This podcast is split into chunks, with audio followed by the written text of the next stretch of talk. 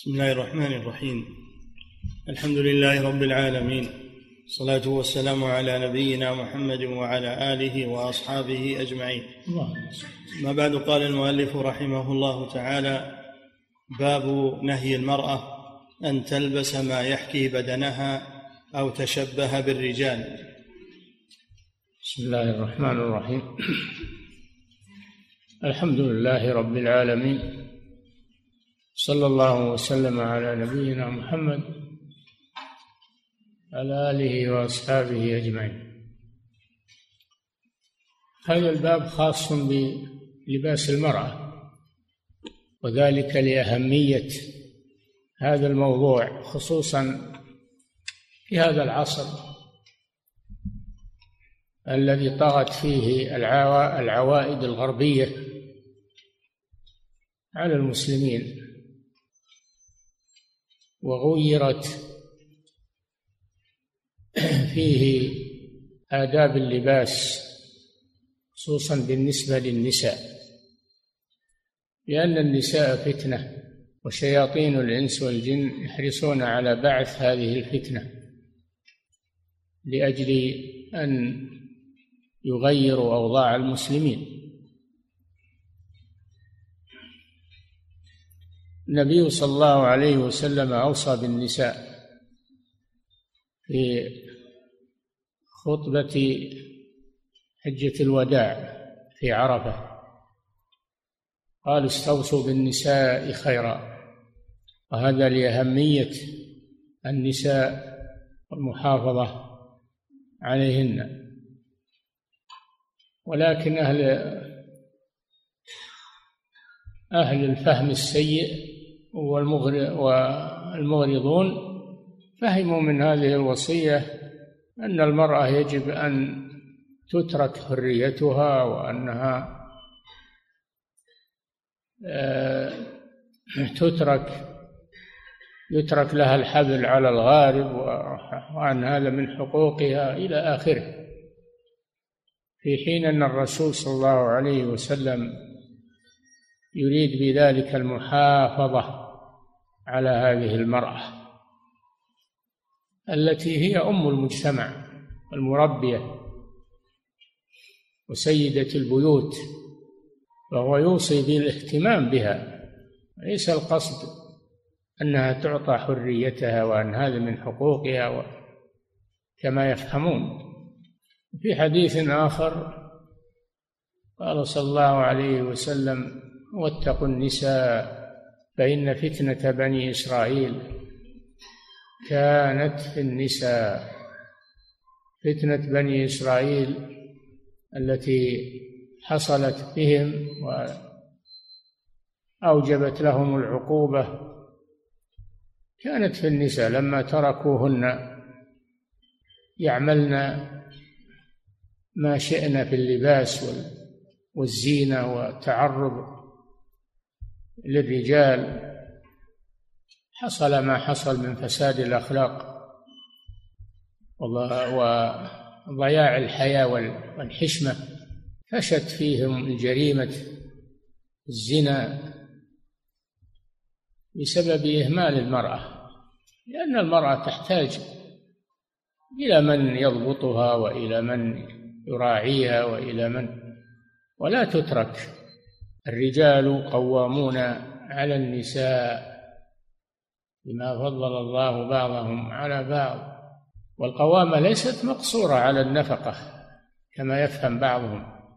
قوامة أهم فيه أهم من النفقة وهو القوامة عليها بصيانتها وحفظها لأنها درة ثمينة.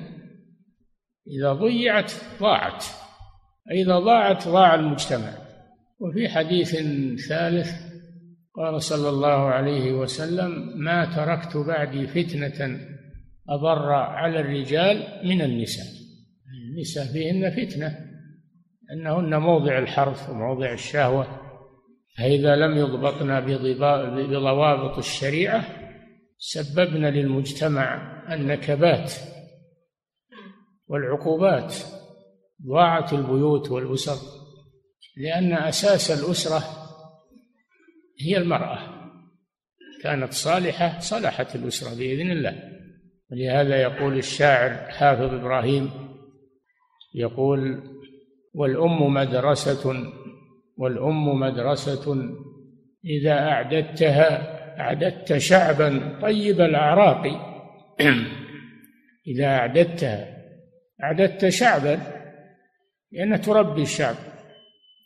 أنا لا أقول دعوا النساء سوافرا مثل الرجال يجلن في الأسواق شؤونهن في بيوتهن كثيرة كشؤون رب السيف والمزراق. المرأة لها دور كبير في المجتمع وهي درة ثمينة يحافظ عليها لا تضيع. ومن ذلك ما جاء في هذا الباب من بيان لباس المرأة المسلمة لأن اللباس هو الذي يسترها ويحفظها من الأنظار المسمومة. نعم. باب نهي المرأة أن تلبس ما يحكي بدنها أو تشبه بالرجال. عن أسامة نعم. تنهى المرأة أن تلبس ما يعني عن شيئين. أولا أن تلبس لباس الرجال تتشبه بالرجال. ثانيا أن تلبس ما لا يسترها لأن يكون شفافا خفيفا. لا يستر ما وراءه. يكون فتنة. كاسيات عاريات لابسات ملابس لكنها لا تسترهن فهن عاريات. وإن كن لابسات كما يأتي. أو تلبس لباسا ضيقا يحدد أعضاءها ويحدد مفاتنها. وهذا أشد لبسها البنطلون الآن وأشياء تحدد أعضاءها ومفاتنها فلا تلبس الضيق ولا تلبس ما يلتصق ببدنها بل تلبس فضفاضا واسعا. فيجب الانتباه لهذا. والآن الملابس التي تباع في معارض الملابس كلها ملابس غربية. ما تجد فيها ملابس على المطلوب على ما يأمر به الشرع.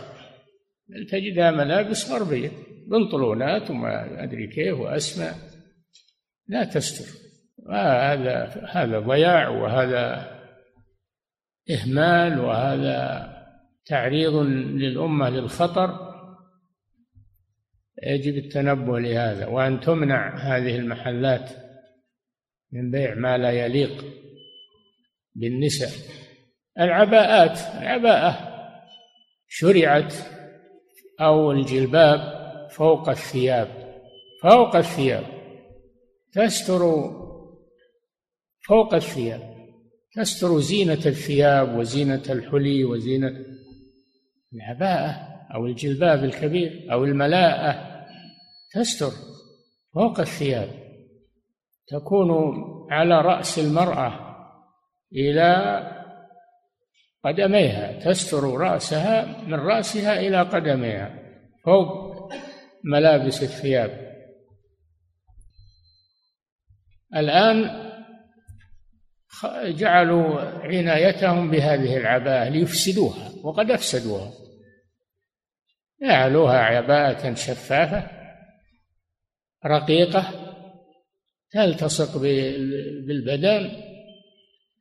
زينوا فيها تطريزات وأشكال ويسمونها المخصرة أو المقصرة ما أدري كيف. ما صارت عباءة. أفسدوها فتركها أولى من من لبسها لأنها أصبحت لا فائدة فيها. الواجب على المسلمين أن يتنبهوا لذلك. يجب على القيم على البيت أن يتنبه لذلك. يجب على هيئات الأمر بالمعروف والنهي عن المنكر أن تتنبه لذلك. يجب فوق ذلك على ولاة الأمور. يجب عليهم أن يمنعوا هذه الأشياء من المجتمع. وأن يمنعوا التجار. من استيراد هذه الملابس الفاضحة الملابس التي لا تستر. بل تزيد فتنة تزيد الفتنة. نسأل الله العافية. إما ملابس قصيرة وإما ملابس شفافة وإما ملابس ضيقة وإما ملابس زينة وفتنة. هكذا. هذا الوضع الآن إلا ما شاء الله. يجب التنبه لذلك. نعم. عن أسامة بن زيد رضي الله عنهما قال كساني رسول الله صلى الله عليه وسلم قبطية كثيفة كانت مما أهداه مما أهداها له دحية الكلب فكسوتها امرأتي. فقال رسول الله صلى الله عليه وسلم ما لك لا تلبس القبطية؟ فقلت يا رسول الله كسوتها امرأتي. قال مرها أن تجعل تحتها غلالة فإني أخاف أن تصف حجم عظامها. رواه أحمد. نعم. هذا الحديث فيه أن النبي صلى الله عليه وسلم أهدى لبعض أصحابه حلة قبطية قبطية. أصله قبطية بالكسر نسبة إلى القبط. نسبة إلى القبط من أهل مصر لأن أهل مصر كانوا في الأصل يتكونون من القبط وبنو وبني إسرائيل. وكان الملك بيد القبط وكانوا متسلطين على بني إسرائيل. فالحلة تنسب إلى وكان القياس أن يقال قبطية بالكسر لكنهم شكلوها بالضم قبطية. نعم. فهذا الصحابي نظرا لحاجة امرأته. هذا أولا فيه فيه الإهداء أن الرسول صلى الله عليه وسلم كان يقبل الهدية فقد أهدى إليه دحية الكلب رضي الله عنه. هذه الحلة التي وصلت إليه أهداها للرسول صلى الله عليه وسلم. الرسول أهداها لهذا الصحابي. الصحابي رأى أن امرأته بحاجة إليها. لقلة ما بأيديهم فكساها امرأته. فلما رآه النبي صلى الله عليه وسلم لم يرها عليه سأله لماذا لم يلبسها قال إنه كساها امرأته. أقره الرسول صلى الله عليه وسلم على ذلك لكن أرشده إلى أن تجعل تحتها لباسا غلالة يعني لباسا يلي الجلد يسمى الشعار الشعار الشعار والدثار الشعار الذي يلي الجلد والدثار الذي فوقه. تجعل شعارا تحتها لأنها رقيقة تصف ما وراءها. ففي هذا دليل على أنه يشترط في لباس المرأة. أن يكون كثيفا ساترا لما وراءه وأن لا تلبس الرقيق من الثياب الذي يلتصق بجسمها أو الذي أو الشفاف الذي لا يستر ما وراءه. نعم أعد الحديث. عن أسامة بن زيد رضي الله عنهما قال كساني رسول الله صلى الله عليه وسلم قبطية كثيفة. كانت مما أهداها له دحيه الكلبي ودحيه الكلب وصلت إليه. من غيرها أيضا. نعم. فكسوتها امرأتي. فقال رسول الله صلى الله عليه وسلم ما لك لا تلبس القبطية. فقلت يا رسول الله كسوتها امرأتي. فقال مرها أن تجعل تحتها فإني نعم يعني تحتها ما يلي جلدها من أجل أن يخفي ظهوره من وراء القبطية وين اللي يلبسنا الآن؟ الملابس الشفافة و أو الملابس القصيرة أو أو من الملابس الغربية. نعم. وقال مرها أن تجعل تحتها غلالة فإني أخاف أن تصف حجم عظامها رواه أحمد. نعم أن تصف حجم عظامها لأن شفافة لا تغطي ما وراءها. ومن باب أولى إذا كانت ضيقة تصف الأحجام والأعضاء والمفاتن مثل البنطلون الذي ابتليت به نساء المسلمين اليوم يتسابقن عليه يلبسنه ويلبسنه بناتهن ولا حول ولا قوة إلا بالله. نعم.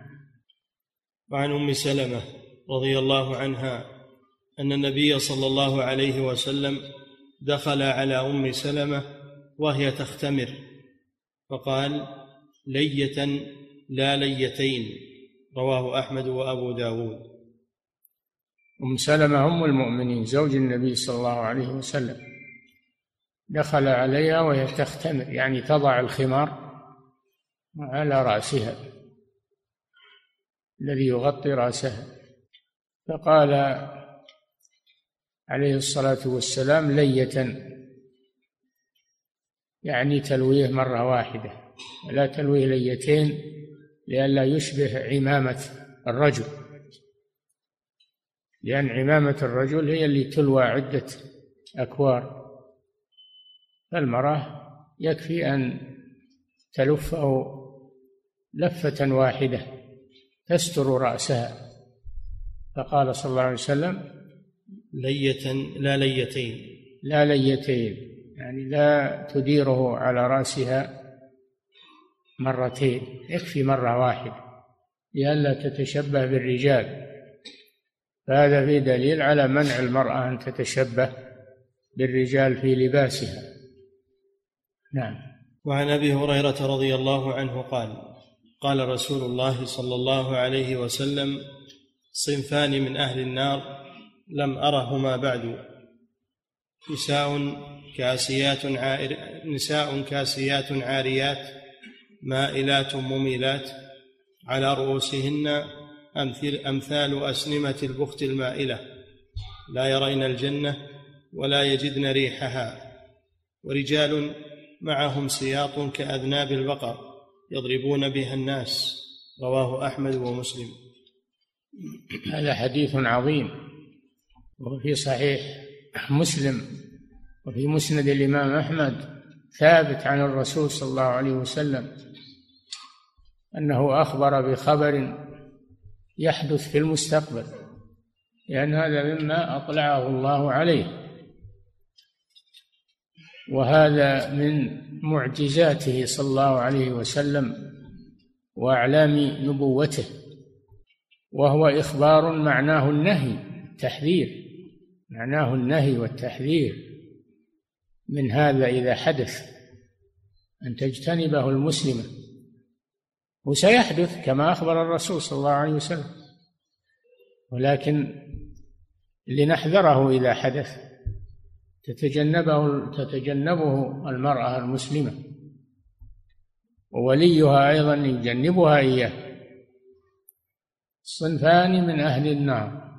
لم أرهما بعد.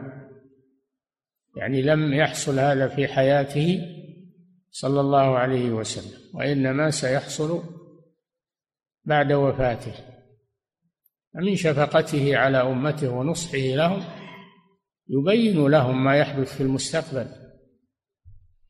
مما فيه خطورة عليهم ليحذروه ويجتنبوه. لم أره ما بعد. نساء الصنف الأول نساء كاسيات عاريات. يلبسن لباسا لا يسترهن إما لقصره وإما لشفافيته فلا يستر ما ما وراءه. كثير من النساء اليوم يذهبن إلى الحفلات وهن بمثل هذا اللباس. كاسية عارية لابسة ملابس لكن لا تستره بل إنها تبدي نحرها وظهرها وساقيها وعضديها. تذهب إلى هذه التجمعات لأنها فتنة والشيطان يزين لها ذلك من أجل أن تفتن الناس. ولهذا يسمون المرأة حبالة الشيطان يحبل بها. حبالة هي الفخ أو الشيء الذي يوضع ليصطاد ليصطاد الطيور أو غيرها فهن حبالة للرجال. الشيطان يحبلها لهم. فيجب على المسلمة أن تحذر من ذلك. كاسيات عاريات. يعني يلبسن ملابس لا تسترهن إما لقصرهن وإما لشفافيتهن فلا يسترن ما وراءهن وقيل كاسيات من نعم الله عاريات من شكرها. كاسيات عاريات. مائلات مميلات. مائلات عن الحق. في أنفسهن مميلات لغيرهن. مائلات عن الحق في أنفسهن مميلات لغيرهن. مائلات عن الستر إلى الانكشاف وإلى الملابس الفاضحة ليملن من ينظر إليهن ويفتنه.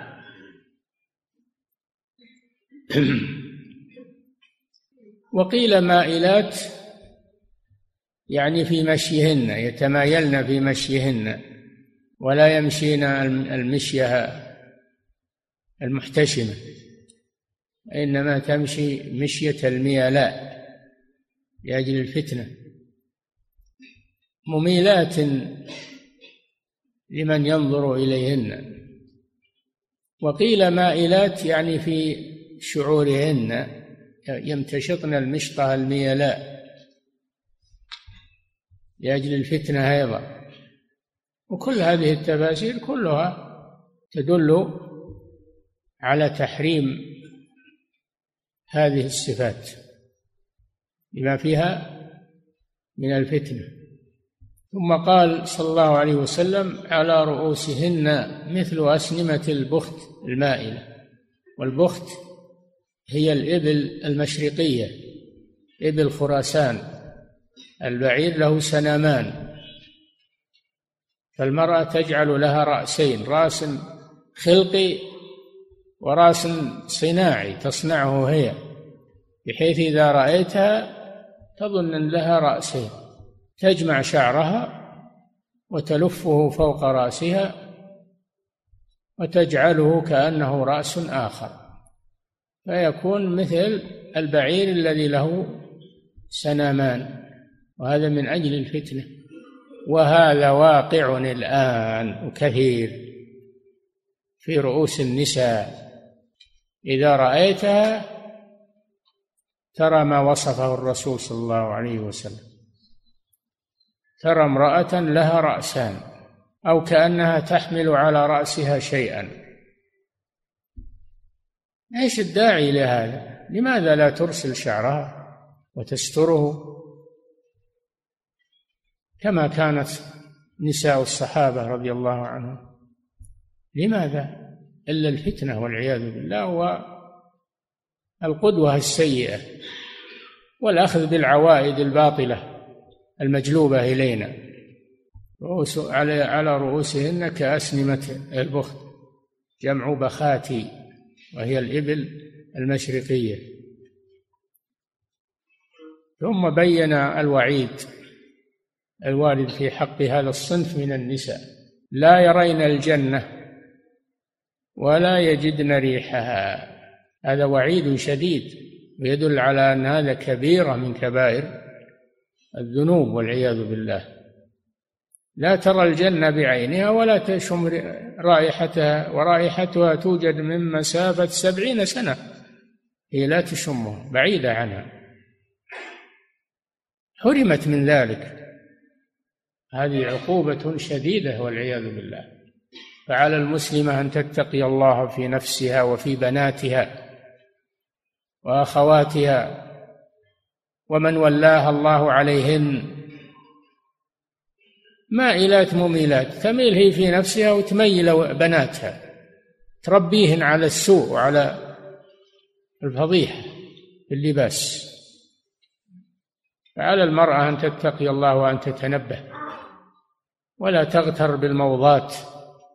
ولا تغتر بالنساء اللاتي لا يبالين بالستر. لا تغتر بهذا. تنقذ نفسها وتنقذ من تقدر على إنقاذه من هذه الورطات. لأن ما أخبر به الرسول صلى الله عليه وسلم سوف يقع وقد وقع عيانا والصنف الثاني رجال. معهم سياط كأذناب البقر يضربون بها الناس. ظلمة. يضربون الناس بغير حق. قالوا هذا ينطبق على الشرط على بعض الشرط. الذين يسخرهم الظلمة لضرب الناس من غير من غير حق. هذا ظلم لا يجوز الضرب بغير حق. نعم. وعن أبي هريرة رضي الله عنه أن النبي صلى الله عليه وسلم لعن الرجل يلبس لبس المرأة والمرأة تلبس لبس الرجل رواه أحمد وأبو داود. هذا التشبه تشبه أحد الصنفين بالاخر لا يجوز للرجل أن يتشبه بالنساء في لباسهن ومشيتهن وكلامهن وميوعتهن والتجمل تجمل النساء. لا يجوز له ذلك لأنه رجل يطلب منه القوة والخشونة والشهامة. لا يطلب منه النعومة واللين و هو رجل يتصف بصفات الرجال. وكذلك من التشبه بالنساء حلق اللحية. هذا من أنا أشد أنواع التشبه بالنساء. حلق اللحى يكون الرجل كالمرأة. اللي يفرق بين الرجل والمرأة هو اللحية. وإلا إذا حلق لحيته صرت لا تفرق بين وجه المرأة ووجه الرجل. فأزال العلامة الفارقة. هذا من تشبه الرجال بالنساء. خلقه الله رجلا وحول نفسه إلى أنثى. وكذلك في المقابل لعن المرأة أن تلبس لباس الرجل أو تمشي مشية الرجل أو تتولى أعمال الرجل. تتولى أعمال الرجل ووظائف الرجال. هذه ملعونة. نسأل الله العافية. المرأة لها عمل خاص بها بها. لا يجوز للرجل أن يتولاه. والرجل له عمل لا يجوز للمرأة أن تتولاه. فلا يتشبه أحدهما بالآخر في جسمه وملابسه وحركاته وكلامه. ولا يجوز لأحدهما أن يتولى عمل الآخر. هذا من أعظم التشبه. وهذا لعن الرسول صلى الله عليه وسلم من فعله واللعن يدل على أن هذا كبيره من كبائر الذنوب. فيجب على الرجال أن يتميزوا عن النساء ويجب على النساء أن تتميز عن الرجال. هذا هو الواجب وليس الذكر كالأنثى. أما إذا صار الذكر مثل الأنثى أو الأنثى مثل الذكر تغير الوضع. لا حول ولا قوة إلا بالله. وهو يتحول إلى صفات الأنثى. لكن لو قلت له أنت مثل الأنثى يغضب عليك أو يقتلك بعد. لو قلت له أنت مثل مثل مثل الحريم أنت مثل المرأة يقتلك أو يضربك. في حين أنه يصنع بنفسه هذا الشيء فيكون مثل الأنثى. نعم. وعن أبي هريرة رضي الله عنه أن النبي صلى الله عليه وسلم لعن الرجل يلبس لبس المرأة والمرأة تلبس لبس الرجل رواه أحمد وأبو داود. هذا من التشبه في اللباس تشبه في اللباس. فالرجل لا يلبس ملابس النساء والنساء لا تلبس ملابس الرجال. هناك ملابس مخصصة للرجال. أقمشة مخصصة للرجال وأقمشة مخصصة للنساء. وهناك تفصيل تفصيل خاص بالنساء وتفصيل خاص بالرجال. هناك لبسة صفة اللبس أيضا خاصة بالنساء ولبسة خاصة بالرجال. ولا يتشبه أحدهما بالآخر. بل كل يتميز عن الآخر بخاصيته ولا يتميع المجتمع. فرجاله يتحولون إلى النساء والنساء تتحول إلى الرجال. هذا من الانتكاس وهذا خلاف الفطرة التي فطر الله الناس عليها. الآن يقولون المرأة مثل الرجل ليه؟ ليه تفرقون بين الرجل والمرأة؟ المرأة إنسان مثل الرجل. كل تعمل كل أعمال الرجال. ليش تخصون النساء بعمل والرجال بعمل؟ وهو الرجال بملابس والنساء بملابس مع أنها إنسان لها حقها. نعم لها حقها اللائق بها لائق بها. أما حقها الذي لا يليق بها فليس هذا حقا لها. هذا ما هو حق لها وهذا ظلم لها. أنت تريد أن تكرم المرأة. بهذا وأنت تظلمها. إذا وضعتها في غير موضعها فقد ظلمتها. أليس إكرام المرأة أن تضعها في غير موضعها. إكرام المرأة أن تضعها في موضعها. والظلم وضع الشيء في غير موضعه. هذا هو الظلم الذي حرمه الله سبحانه وتعالى. النساء لها وضع في المجتمع والرجال لهم وضع في المجتمع. تميز كل صنف بما ميزه الله به من أجل تبقى الرجولة في المجتمع وتبقى الأنوثة الكريمة في المجتمع. نعم. باب التيامن في اللباس وما وما يقوله من استجد ثوبا.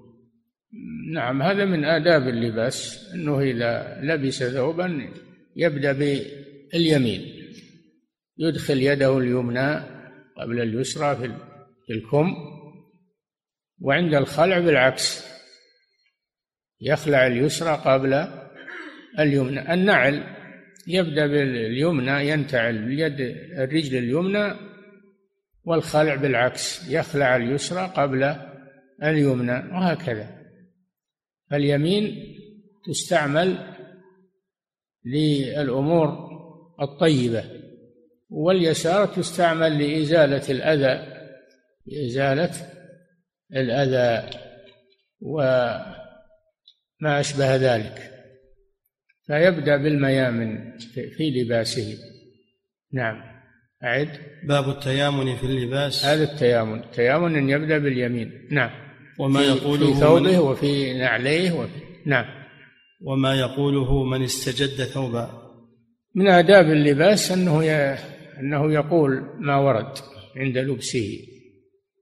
أن يحمد الله ويشكره وأن يدعو الله أن يجعله لباسا لباس خير ولا يجعله لباس شر. نعم. عن أبي هريرة رضي الله عنه قال كان رسول الله صلى الله عليه وسلم إذا لبس قميصا بدأ بميامنه. نعم.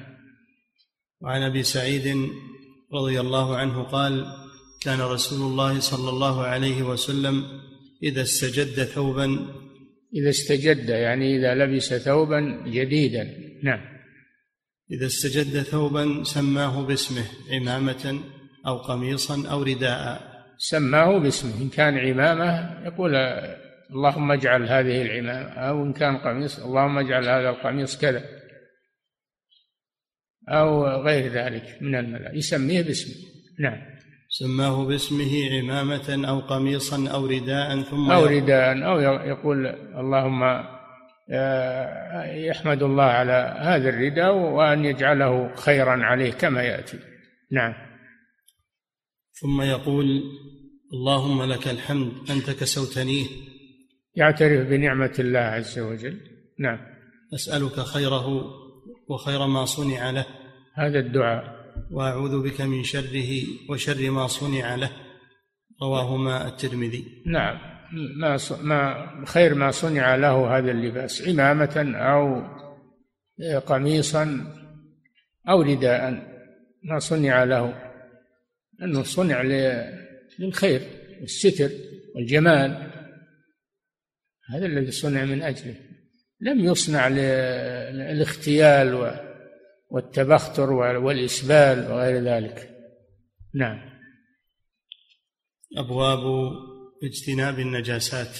يكفي نقف عند هذا.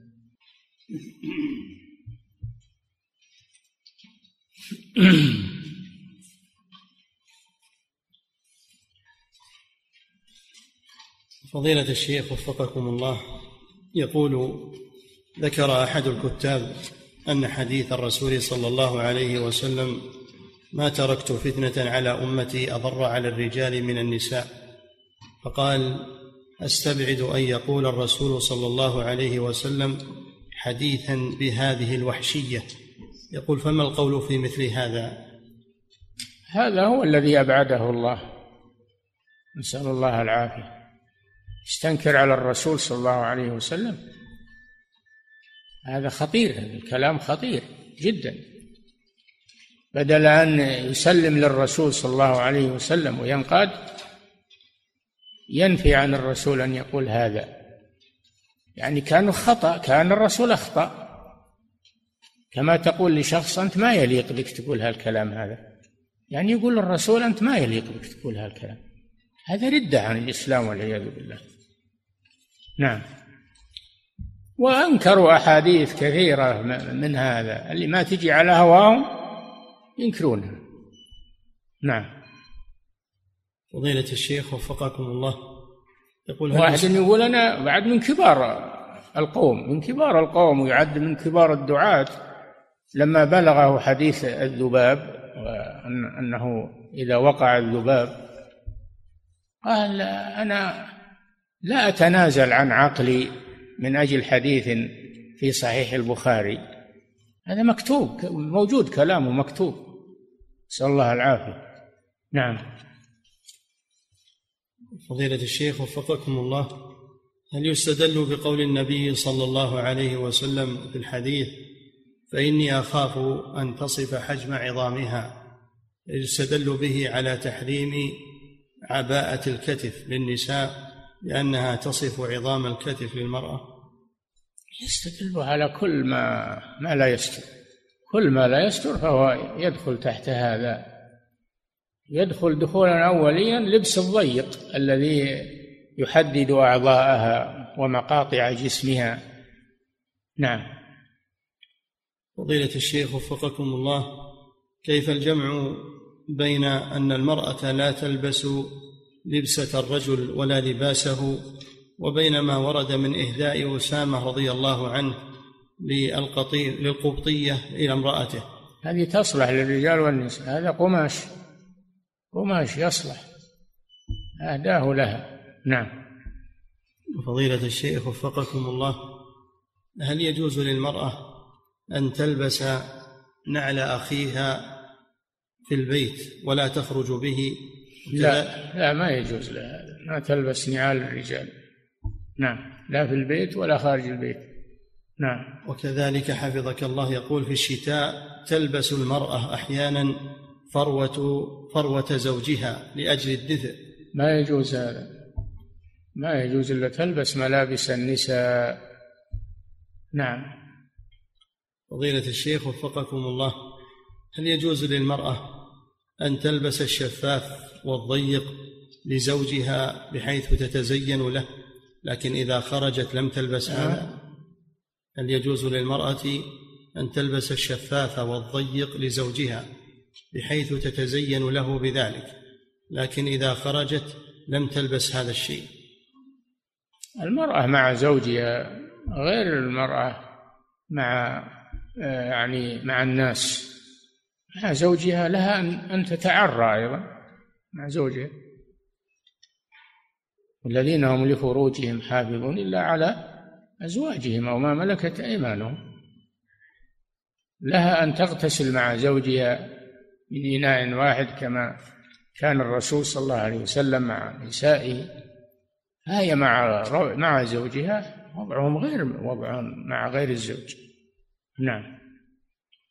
وكذلك حفظك الله. سؤال قريب يقول هل للزوج أن يأمر زوجته أن تلبس البنطال عنده فقط؟ حيث تقول لا. هذه لا يأمرها بذلك.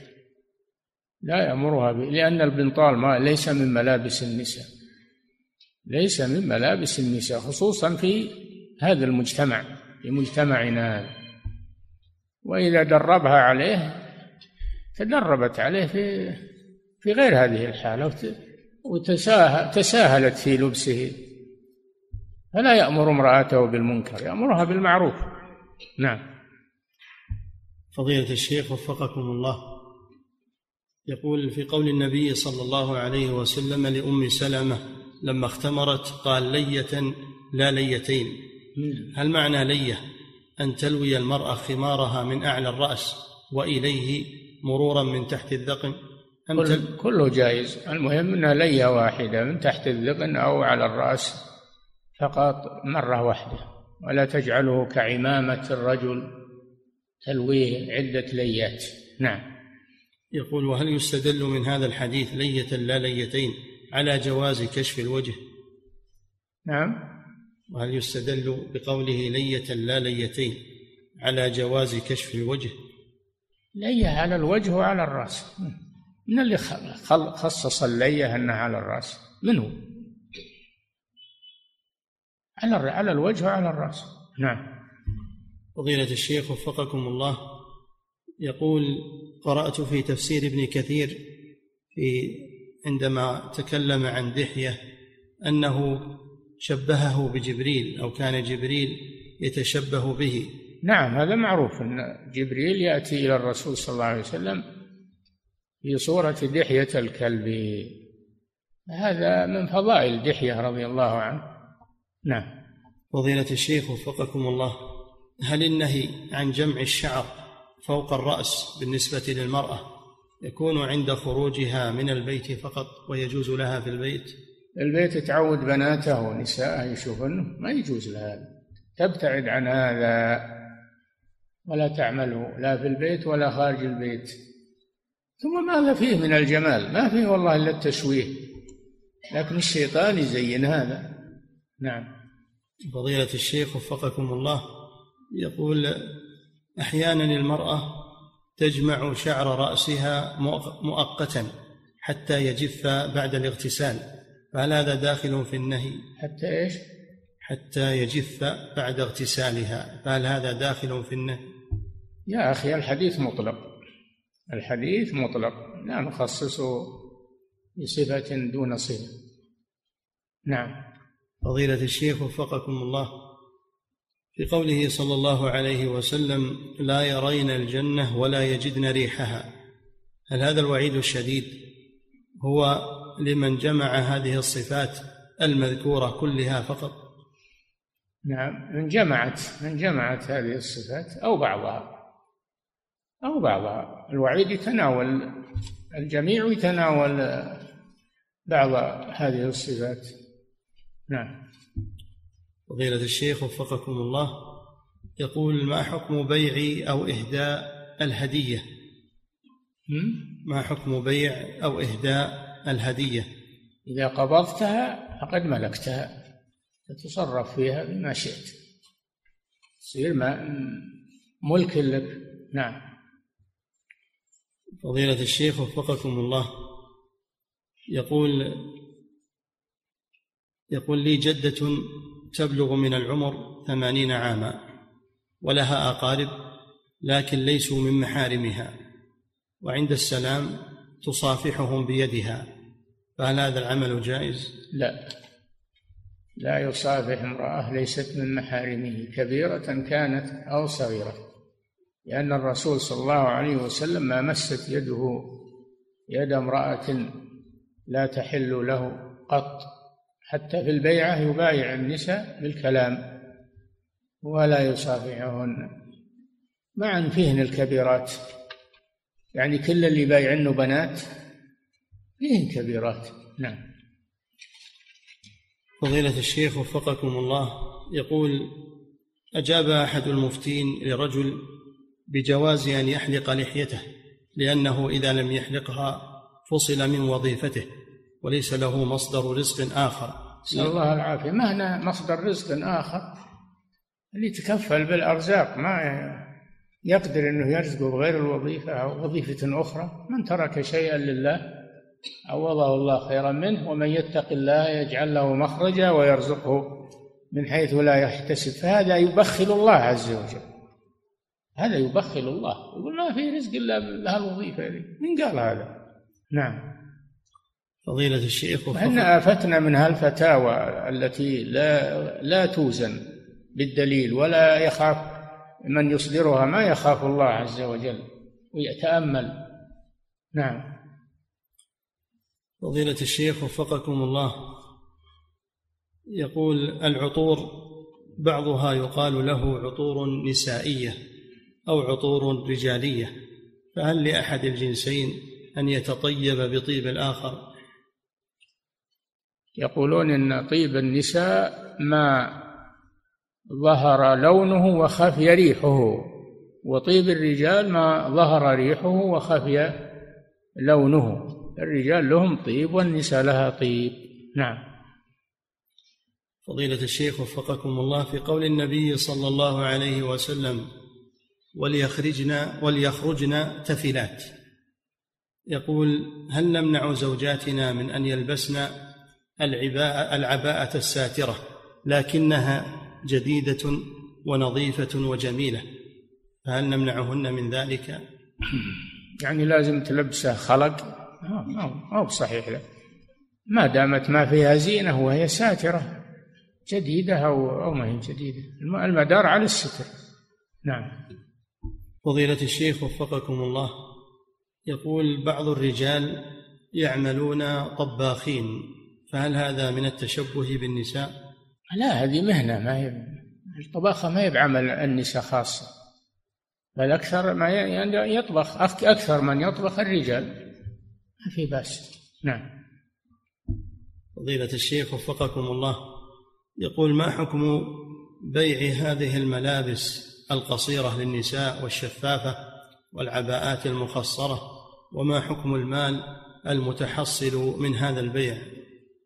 كل هذه الملابس التي لا تتمشى مع الملابس الشرعية لا يجوز توريدها ولا يجوز بيعها وثمنها حرام ويجب منعها ومعاقبة من يأتي بها إلى بلاد المسلمين. نعم.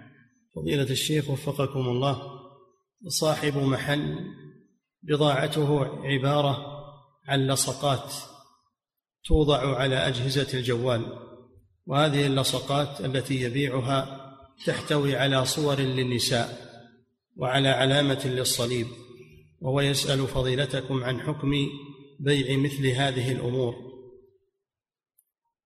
الحين يبيع صور النساء ويبيع الصليب ويسأل هذا واضح. هذا لا يجوز. حرام. حرام بيع الصليب وحرام بيع صور النساء. كل هذا حرام. نعم. فضيلة الشيخ وفقكم الله ما حكم ما حكم لبس المرأة؟ لباس الرجل من باب المزاح. لا ما في مزاح. ما تمزح بالحرام. نعم. فضيلة الشيخ وفقكم الله ما حكم لبس الملابس بالنسبة للمرأة التي تصف حجم عظامها أمام محارمها عظامها؟ نعم. شلون عظامها؟ التي تصف حجم عظامها. أو أعضاءها. عظام ما ما تظهر. إلا الميت تظهر عظامه قصده أعضاءها. ما يجوز له تلبس. لأنها تربي أولادها وبناتها على هذا الشيء. نعم.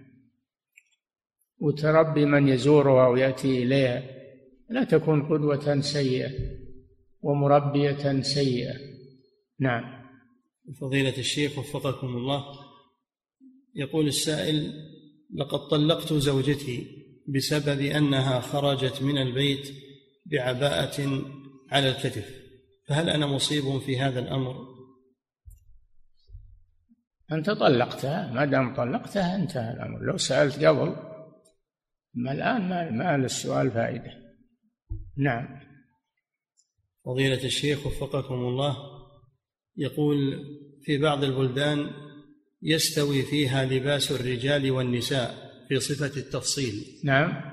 بعض البلدان يستوي فيها لباس الرجال والنساء في صفة التفصيل وإنما يحصل التفريق بينهما بالألوان فلباس الرجال له لون والنساء لهن لون آخر. فما الحكم في ذلك؟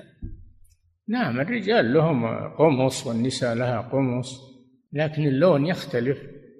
وصفة أيضا تفصيل اللباس يختلف أيضا في الغالب. على كل حال إذا حصل التميز إذا حصل التميز بين لباس الرجل ولباس المرأة بحيث يقال هذا لباس امرأة وهذا لباس رجل. هذا يكفي. نعم. فضيلة الشيخ وفقكم الله يقول ما حكم امتشاط المرأة المشطة المنهي عنها في الحديث بالتزين لزوجها؟ ما تتزين لزوجها بمنهي عنه شيء حرام. تتزين لزوجها بما أباح الله. ولاحظوا إن التزين بالحرام لا يجملها وإنما يشينها. نعم. فضيلة الشيخ وفقكم الله يقول ما الأعمال التي تقوم بها المرأة وتليق بها من ناحية الوظائف؟ الأعمال التي تختص بالنساء من تطبيب النساء علاج النساء تعليم النساء هذا اللي يليق بها. كذلك عدم الاختلاط مع الرجال إنما يكون النساء على حدة والرجال على حدة مع التستر والحرص على الابتعاد عن الفتنة وغض البصر وغير ذلك. نعم. فضيلة الشيخ وفقكم الله. يقول بعض الناس يقول إن المرأة قاتلت مع رسول الله صلى الله عليه وسلم. من قال أنها قاتلت؟ هذه من عندك. المرأة تخرج مع الغزو لسقي الماء ومداواة الجرحى هذا الذي ورد. أما أنها تحمل السلاح وتدخل المعركة هذه من عندك. نعم. فضيلة الشيخ وفقكم الله هل لبس المرأة للكعب المرتفع قليلا؟ نعم.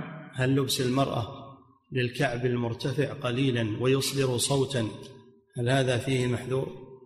نعم هذا يميلها ويصير لها صوت ما يصلح هذا. تلبس تلبس نعل نسائي يريحها ولا يعرضها للخطر. إذا لبست شيئا مرتفعا عرضة للسقوط أيضا خطر. ويرفعها أكثر من يظن أنها طويلة وما هي طويلة هذا تزوير أيضا. نعم. فضيلة الشيخ وفقكم الله يقول السائل من خلال النظر في الملابس الموجودة في الأسواق وندرة الساتر منها يجد المتفحص أن ما يسمى بالبنجابي وهو قميص فضفاض إلى منتصف الساق تحته بنطلون طويل واسع. بنطلون؟ نعم. لا ما يصلح. بنطلون ما يصلح. نعم. فضيلة الشيخ وفقكم الله. سائلة تسأل تقول إنها من السنغال تقول إنها منقبة لكن حينما تلبس النقاب وتشعر بصعوبة في التنفس لأنها مريضة بمرض الربو ويصعب عليها ذلك هل يجوز لها أن تكشف وجهها حينئذ؟ لا لا تكشف وجهها. تغطي وجهها بشيء ما يحبس النفس. شيء يستر الوجه ولا يحبس النفس ولا يحبس البصر أيضا. نعم. فضيلة الشيخ وفقكم الله هذه سائلة تقول إنها متزوجة من أخ فرنسي مسلم وتريد شهادة للزواج تؤخذ من السفارة الفرنسية. سؤالها هل يجوز لها أن تكشف وجهها إذا طلبوا منها ذلك في السفارة؟ لأجل إصدار هذه الشهادة؟ لا ما ما يجوز لك كشف وجهها عند الرجال. لكن البصمة التي ظهرت الآن صارت تغني عن عن صورة الوجه. نعم. فضيلة الشيخ وفقكم الله يقول أنا مدرس في إحدى حلقات تحفيظ القرآن وأخشى أنني إذا نهيت الطلاب عن الإسبال أن يأتي أولياء أمورهم ويشنعون علي بأن هذا لا دخل لي فيه فما توجيهكم في ذلك؟ يعني التعنيف والضرب لا أما أنك تبين لهم بالأسلوب الطيب والحكمة والموعظة الحسنة ما أظن أحد يبي يعترض عليك. توجههم التوجيه السليم ما أحد يبي يعترض عليك. أما التعنيف أو الضرب هذا يمكن أنه يحصل من أوليائهم ردة فعل. نعم. فضيلة الشيخ وفقكم الله ما ورد من لعن النبي صلى الله عليه وسلم للمتشبهين من الرجال بالنساء هل يدخل في اللعن من قام بحلق اللحية؟ كل أنواع التشبه يشمل هذا كل أنواع التشبه. هذا تشبه من نوعين تشبه بالكفار. الرسول قال خالفوا المجوس خالفوا المجوس أكرموا اللحى وأعفوا الشوارب وتشبه بالنساء. ففيه تشبهان نعم تشبه بالنساء وتشبه بالأعاجم والكفار. نعم. فضيلة الشيخ وفقكم الله يقول ما ما ضوابط الاجتهاد في الفتوى؟ وهل لأي شخص ضابطها أن تتعلم. تتعلم حتى تصل إلى مرتبة الاجتهاد بحمل المؤهل العلمي في ذلك. نعم. ويقول حفظك الله وهل للشخص أن يفتي نفسه في المسائل؟ إذا عرف إذا وصل إلى معرفة الأحكام الشرعية من أدلتها فهو يفتي نفسه ويفتي غيره. نعم. فضيلة الشيخ وفقكم الله يقول خرج أحد المفتين في إحدى القنوات الفضائية في يوم الجمعة الماضي وقال لا مانع من بيع كتب الإلحاد لأن السلف كانوا يردون على كتب الإلحاد ولم يمنعوها ولم يمنعوا بيعها كيف نجيب عن هذا حفظكم الله؟ هذا جواب فاسد. كون العالم يشتري كتاب الباطل ليرد عليه وينقضه ولا يحصل عليه إلا بالشراء لا بأس بذلك لأن هذا لغرض صحيح. أما أنك تفتي الناس كلهم يشرون كتب الإلحاد وفيهم الجهال وفيهم ترويجها هذه فتوى خاطئة. وضاله ما يجوز بيعها إلا للخواص الذين يريدون نقضها والرد عليها. نعم.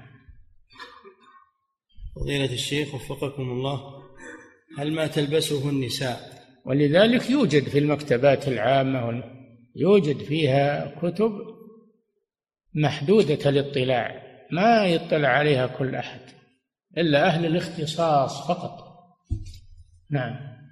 أما أن تتعرض هذه الكتب للبيع ويشتريها الرجل والمرأة والجاهل والعالم والمستقيم والضال ما يجوز هذا نعم فضيلة الشيخ وفقكم الله هل ما تلبسه النساء في حفل الزواج من من الثياب التي تظهر الكتفين هل هذه جائزة؟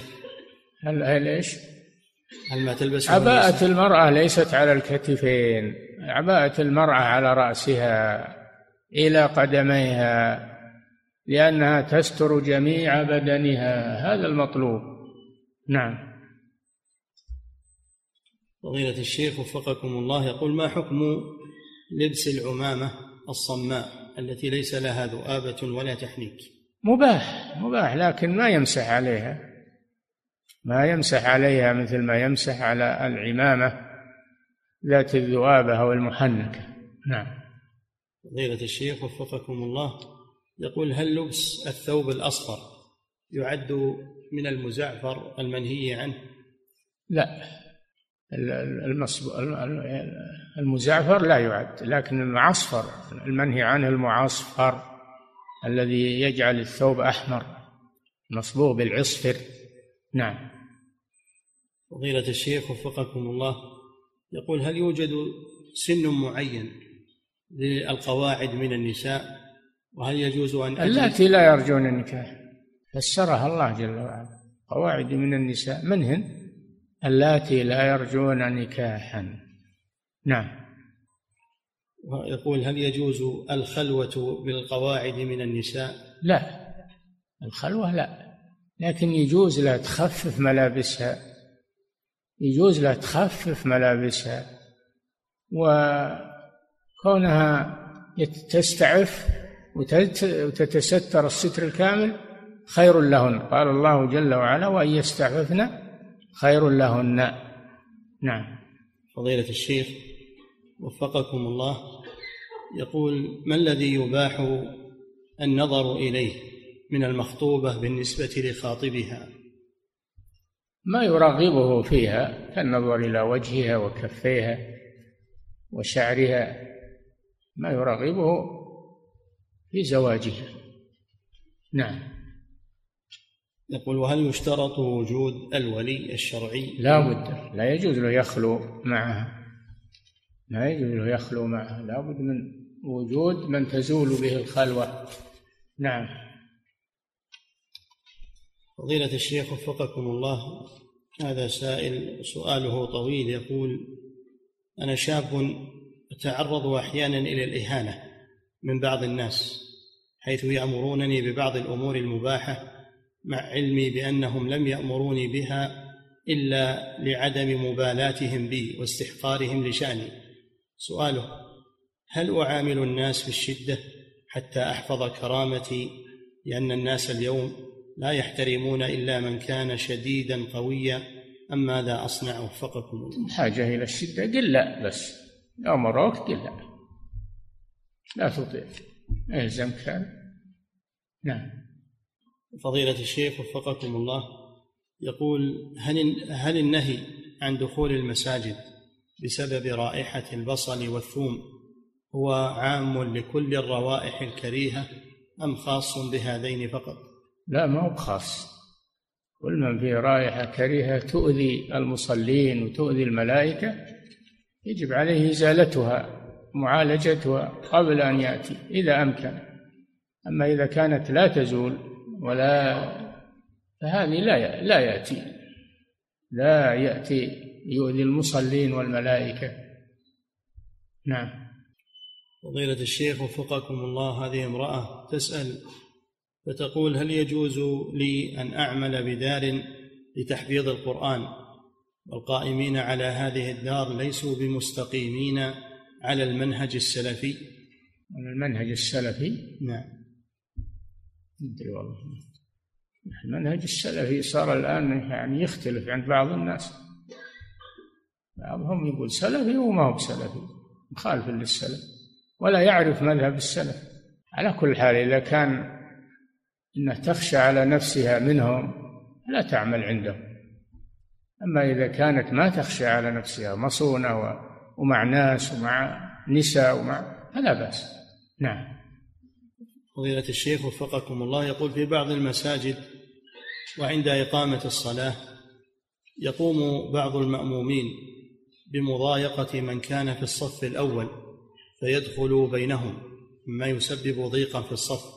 وعدم خشوع في الصلاة فما قولكم؟ وهل من كلمة في هذا؟